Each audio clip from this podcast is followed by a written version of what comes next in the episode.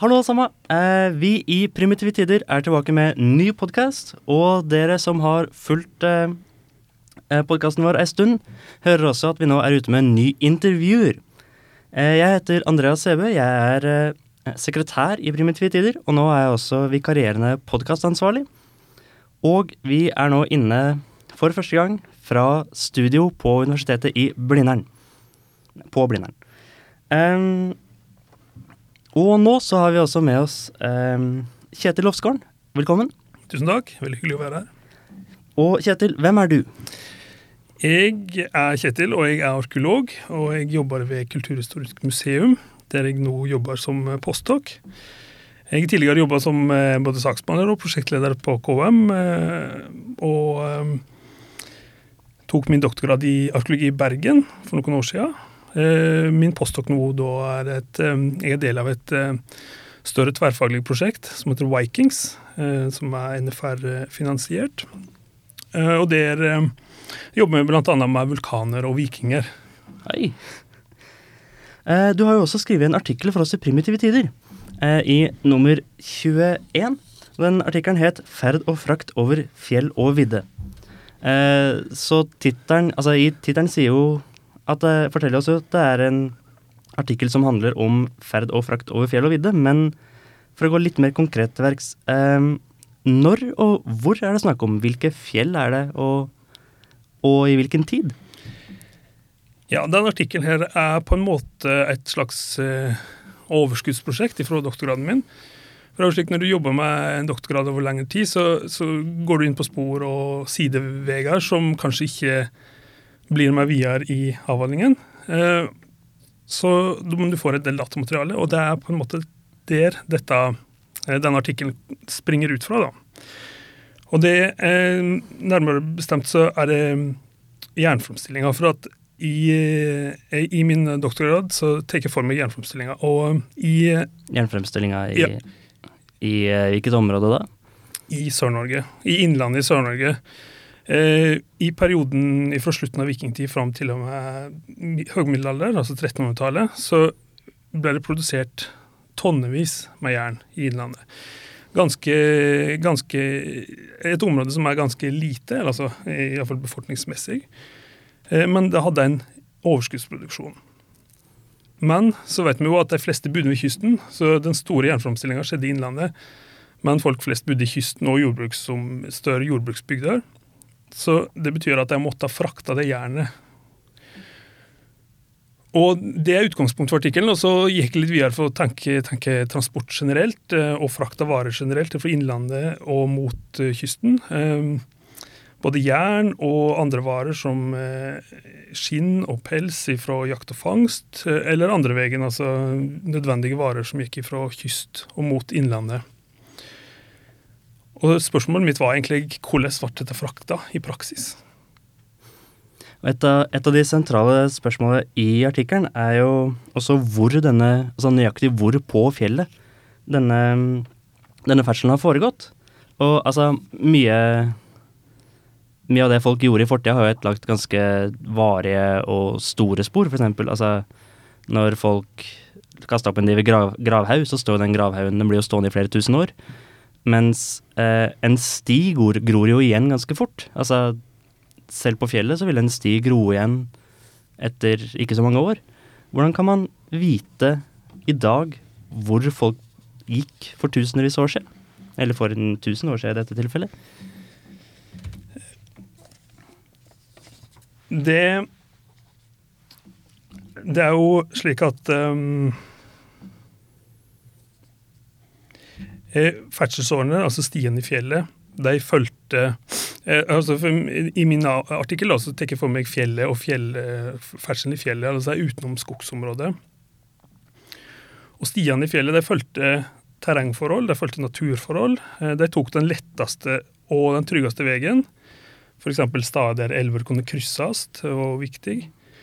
Og dette ser ut til å endre seg ganske lite over tid. Ehm, de forholdene i fjellet endrer seg litt over tid. Og hos folk eh, andre veier, altså de, de veiene som de bruker i vikingtid og middelalder, er relativt like det som er bruker i historisk tid, altså 1700- og 1800-tallet f.eks. Mm. Og flere slike store eller større ferdselsårer og stier er merka på historiske kartmateriale. Så vi kan gå inn i f.eks. Statens kartverk digitalisert veldig mye gode historiske kart, eh, kartmateriale som er, som er tilgjengelig for alle. Og det er en veldig stor ressurs. I tillegg så har du eh, lokalhistorisk litteratur, som har gått ganske dybda mange plasser på ferdselsårer. Da ofte slik de, slik de eh, trådde fram på, på 1700-1800-tallet, men likevel altså, antagelig har de vært relativt uendra lenger tilbake i tid. Så Lokalhistorisk litteratur er en veldig god ressurs, men det er klart at uh, lokalhistorisk litteratur stopper ofte ganske brått når det går ut av deres interesseområde.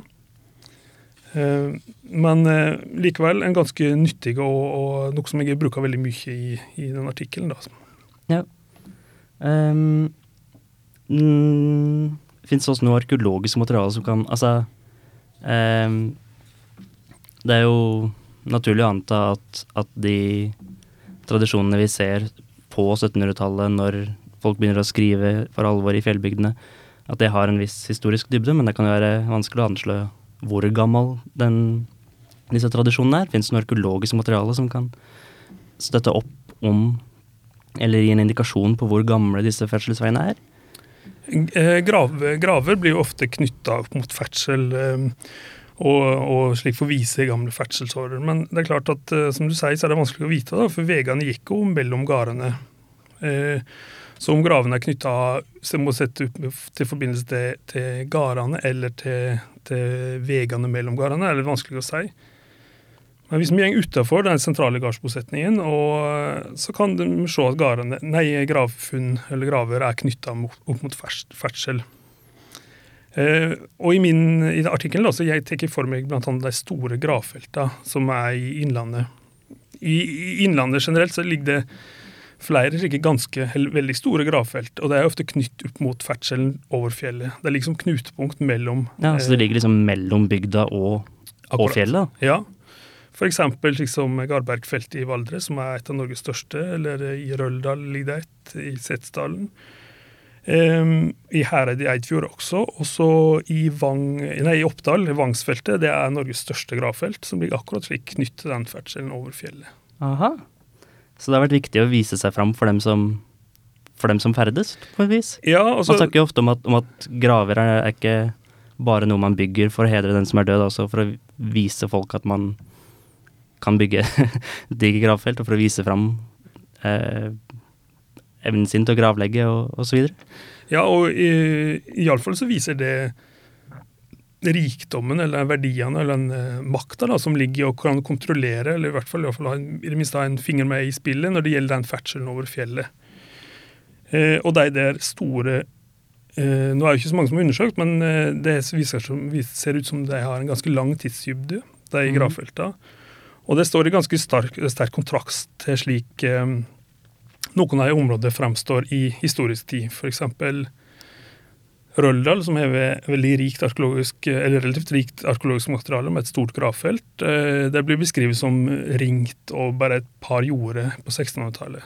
Og på samme måte blir Setesdalen og Vallisetesdalen, som er særdeles arkeologisk rikt, eh, blir omtalt som totalt utestengt av lokalhistoriske forfattere på 1800- og 1900-tallet. Ja, for i, i mye av populærvitenskapen så får man jo ofte et inntrykk av at, av at det har vært nærmest en, en, sammenhengende linje fra at man har gått fra noe veldig veldig primitivt og så bare jevnt oppover og oppover, oppover til noe mer og mer eh, komplekst og rikt. Mens her ser vi tvert imot at det har vært eh, at det som var ei bakevje på 1600-1700-tallet Altså, det har vel vært en del altså, gjenstander i disse gravene som har kommet fra ganske langt unna også, som må vise at det har vært litt tvert imot, at det har vært sentrale områder tidligere som har blitt bakover seinere?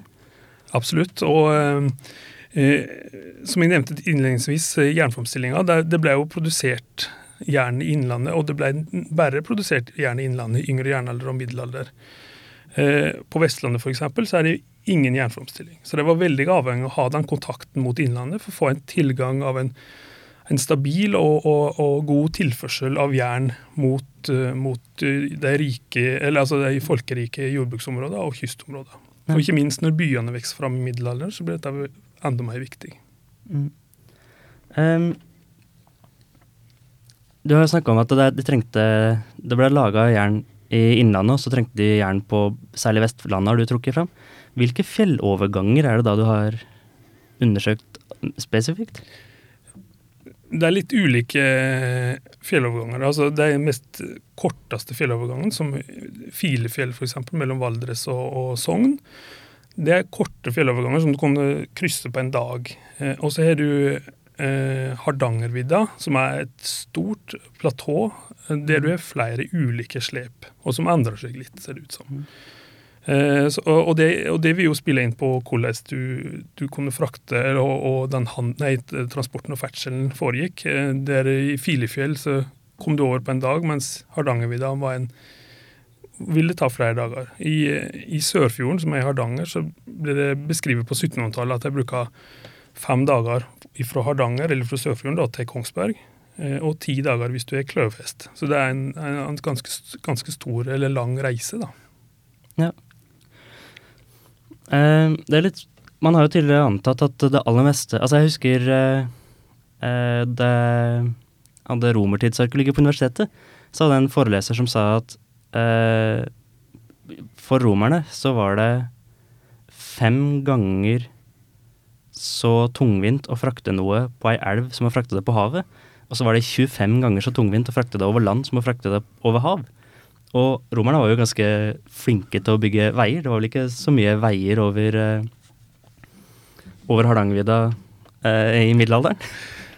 Eh, så det må jo ha vært litt av et strev å, å frakte der?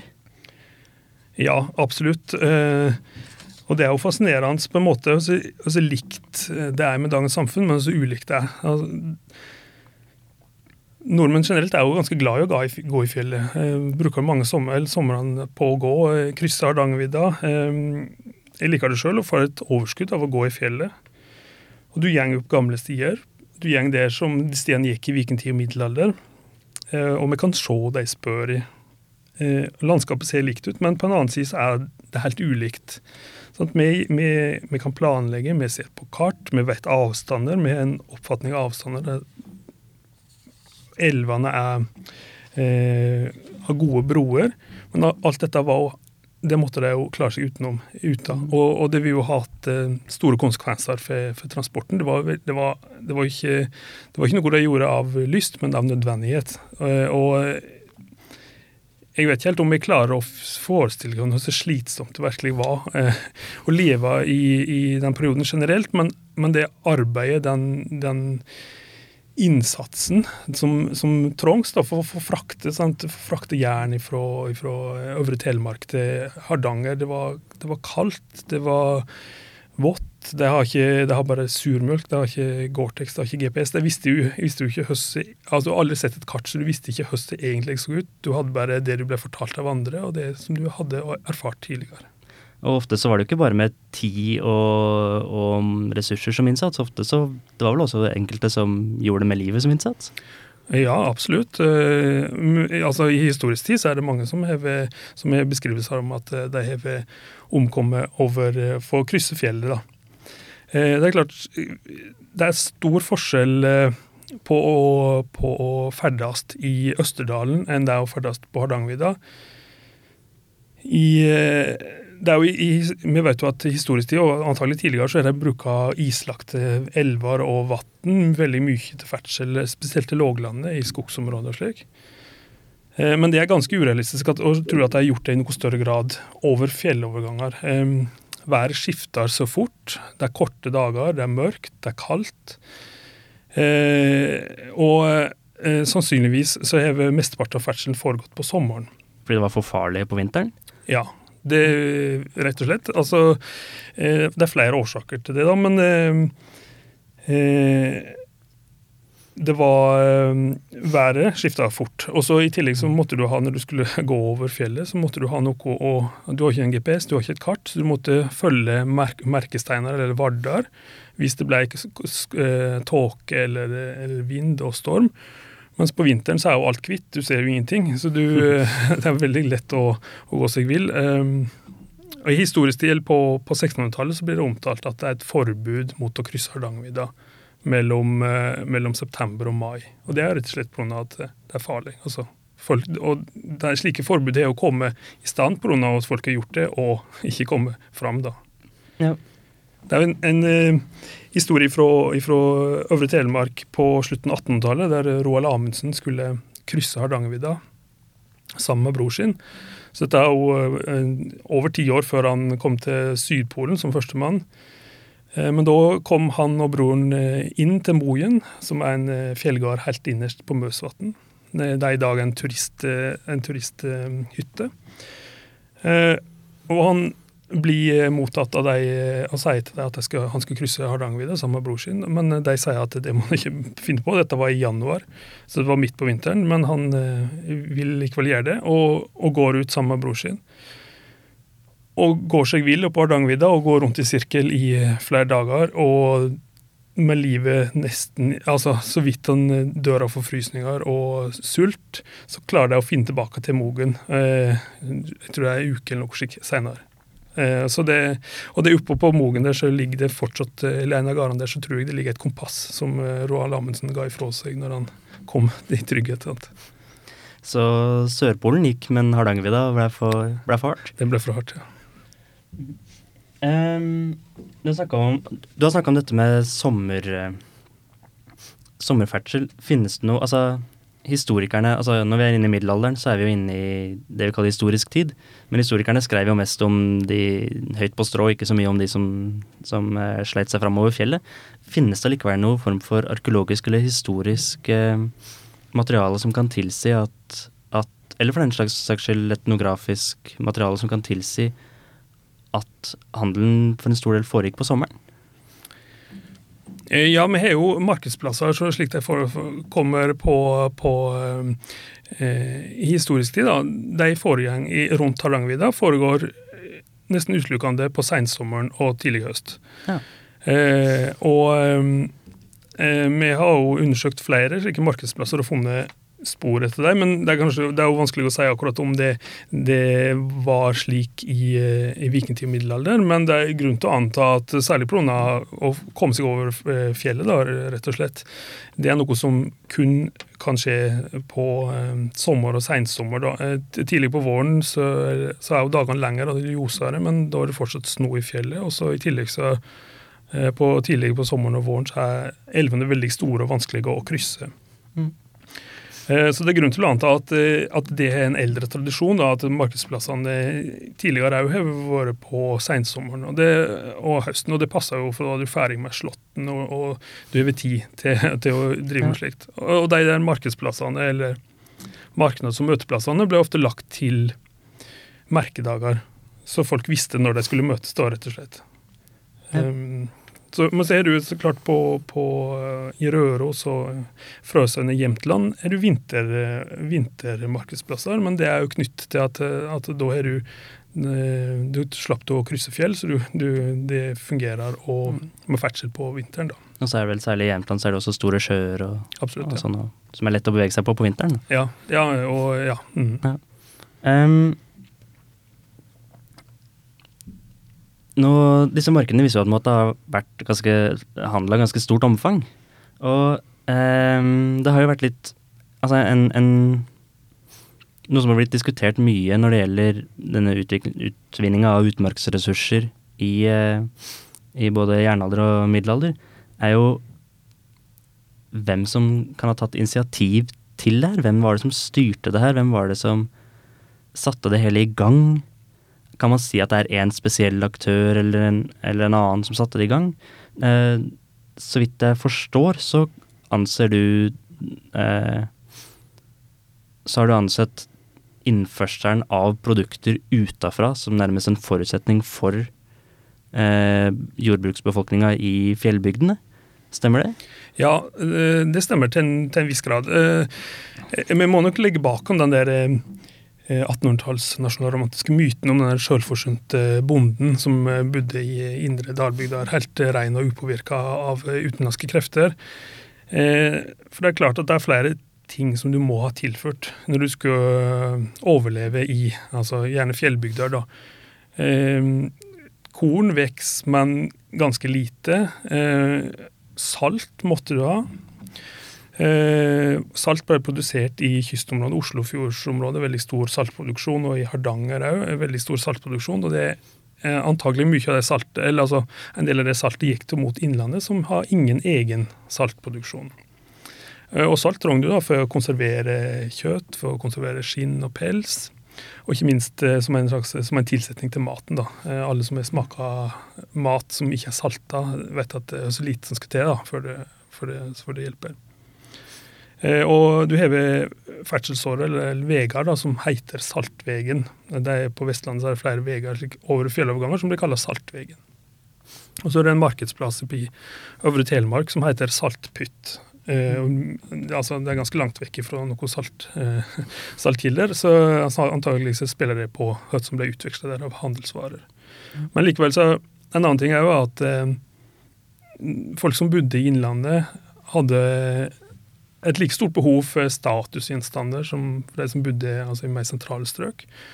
Eh, våpen, eh, smykker, tekstiler og slik er ganske viktig for å få en slags inkludering av altså, Du er del av samfunnet, og, og altså, som en integrert del av samfunnet, da, rett og slett. Ja. Kan dette Altså det at disse vinene er så avhengig av de på kysten, kan det si noe om hvem som initierte det hele? Kan det si noe om hvem som hadde kontroll over det hele? Hvem som Altså, er det noen som Kan man si at det er ei gruppe som tjener seg rike på noen andre folks arbeid, eller er det mer en slags gjensidig avhengighet her? Eh, nei, altså det, det er vanskelig å si, da, men det, og dette vil sikkert gå litt i bølgedaler. men Eh, hvis vi tar jernframstillinga, så er jo mm. den eh, veksten fram i Innlandet fra merovingertid, eh, og, og, og vekst eh, i styrke til i slutten av eller andre halvdel av vikingtid. Det er en virkelig skytfart. Så det blir en skikkelig stor overskuddsproduksjon. Men den jernframstillinga er jo fordelt på tusenvis av jernvinanlegg eh, i Innlandet. Så, og, og, og tenke seg at det har vært kontrollert av en elite utafor, det er ganske usannsynlig. Så vidt jeg kan se, iallfall spesielt i de områdene rundt Hardangervidda som jeg har sett mest på. Ja.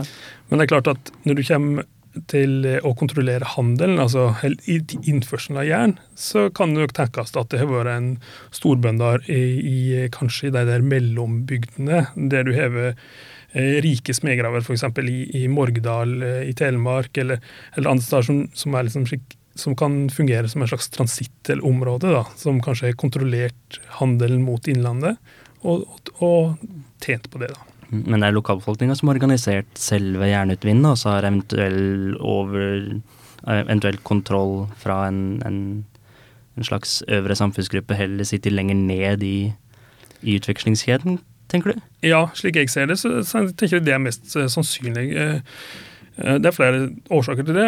En grunn er jo det som jeg sa, at det er spredd ut i så uh, spredd i landskapet. Det er, men, men, det er likevel knytt, eller altså det ligger i området som er bruka som utmark til gårdene i, i, yngre jernalder. altså Der du er støylere, iallfall i, i nyere tid, i, mid, i middelalder. Og en annen ting er slik som de uh, spesielt Setsdal, Telemark og Numedal og til en viss grad Hallingdal og Valdres en ganske høy andel av sjøleie hvis vi til, Nå må vi ut i middelalder for å få de kildene, men da er det en veldig høy andel av sjøleiende bruk. Sett, i, sett i, i, motsetning til andre og kystnære områder. Da. Og Østerdalen er jo en eller mindre grad av sjøleie enn det som de vestlige fjellbygdene har. Så iallfall i de områdene der så ser jeg det som mest sannsynlig at den er initiert og organisert av en lokal eh, befolkning. da. Ja. Uh, nå er det, kan det være at de hierarkiske strukturer innad i innad, det, er, altså, det er ikke, Vi er ikke egalitære samfunn vi snakker om her, men, men likevel. Ja. Uh, nå helt til slutt. Uh, det som de har jobba med her nå, du, i hvilken grad kommer du til å ta det med deg videre? Disse, disse forskninga på, fel, på ferd og frakt over fjell og vidde. I hvilken grad kommer det til å bli brakt videre inn i Du snakker om at du er i gang med et nytt forskningsprogram nå? Ja, jeg, jeg, eh, jeg er jo del av som jeg nevnte, Vikings-prosjektet. Det er et tverrfaglig prosjekt der vi ser på, på endringer i, i, i klima og, og, basert på vulkanutbrudd. Eh, spesielt de to store vulkanutbruddene i 536 og 540, 541. Eh, og hvordan det virker inn på samfunnet. Og det vi ser, da, det er jo at uh, i den perioden som er den påfølgende perioden etter det vulkanutbruddet, så er det en stor nedgang i gravfunn generelt. I merovingertid så er det veldig få graver, sett i motsetning til perioden før og perioden etter. Men samtidig som du får den nedgangen, da, så får du samtidig et oppsving i Innlandet. Altså Innlandet blir tatt i bruk i mye større grad enn det som er tidligere eh, vist. Får, eh, det tyder på at du får kanskje som en, som en Eh, som en reaksjon på den der eh, endringen i klima, kaldere klima, så får du et mer variert ressursutnyttelse. Og Da kommer jernframstillinga inn der, og, og eh, beitebruk i, i, utmark, kanskje en økt del av husdyr. Så, eh, og det er klart at når du får den jernframstillinga i, innmark, nei, innlandet, så må du ha handel, nei, så må du ha ferdsel og transport av varene utad. Altså du må ha en tett eh, varetransport, da, slik som vi ser eh, i, i vikingtid og middelalder også. Supert. Da gleder vi oss til å, til å lese mer om eh, ferd og frakt i dag et enda større eh, perspektiv. Og i mer vingertid, som er den tida jeg har eh, jobba mest med så langt.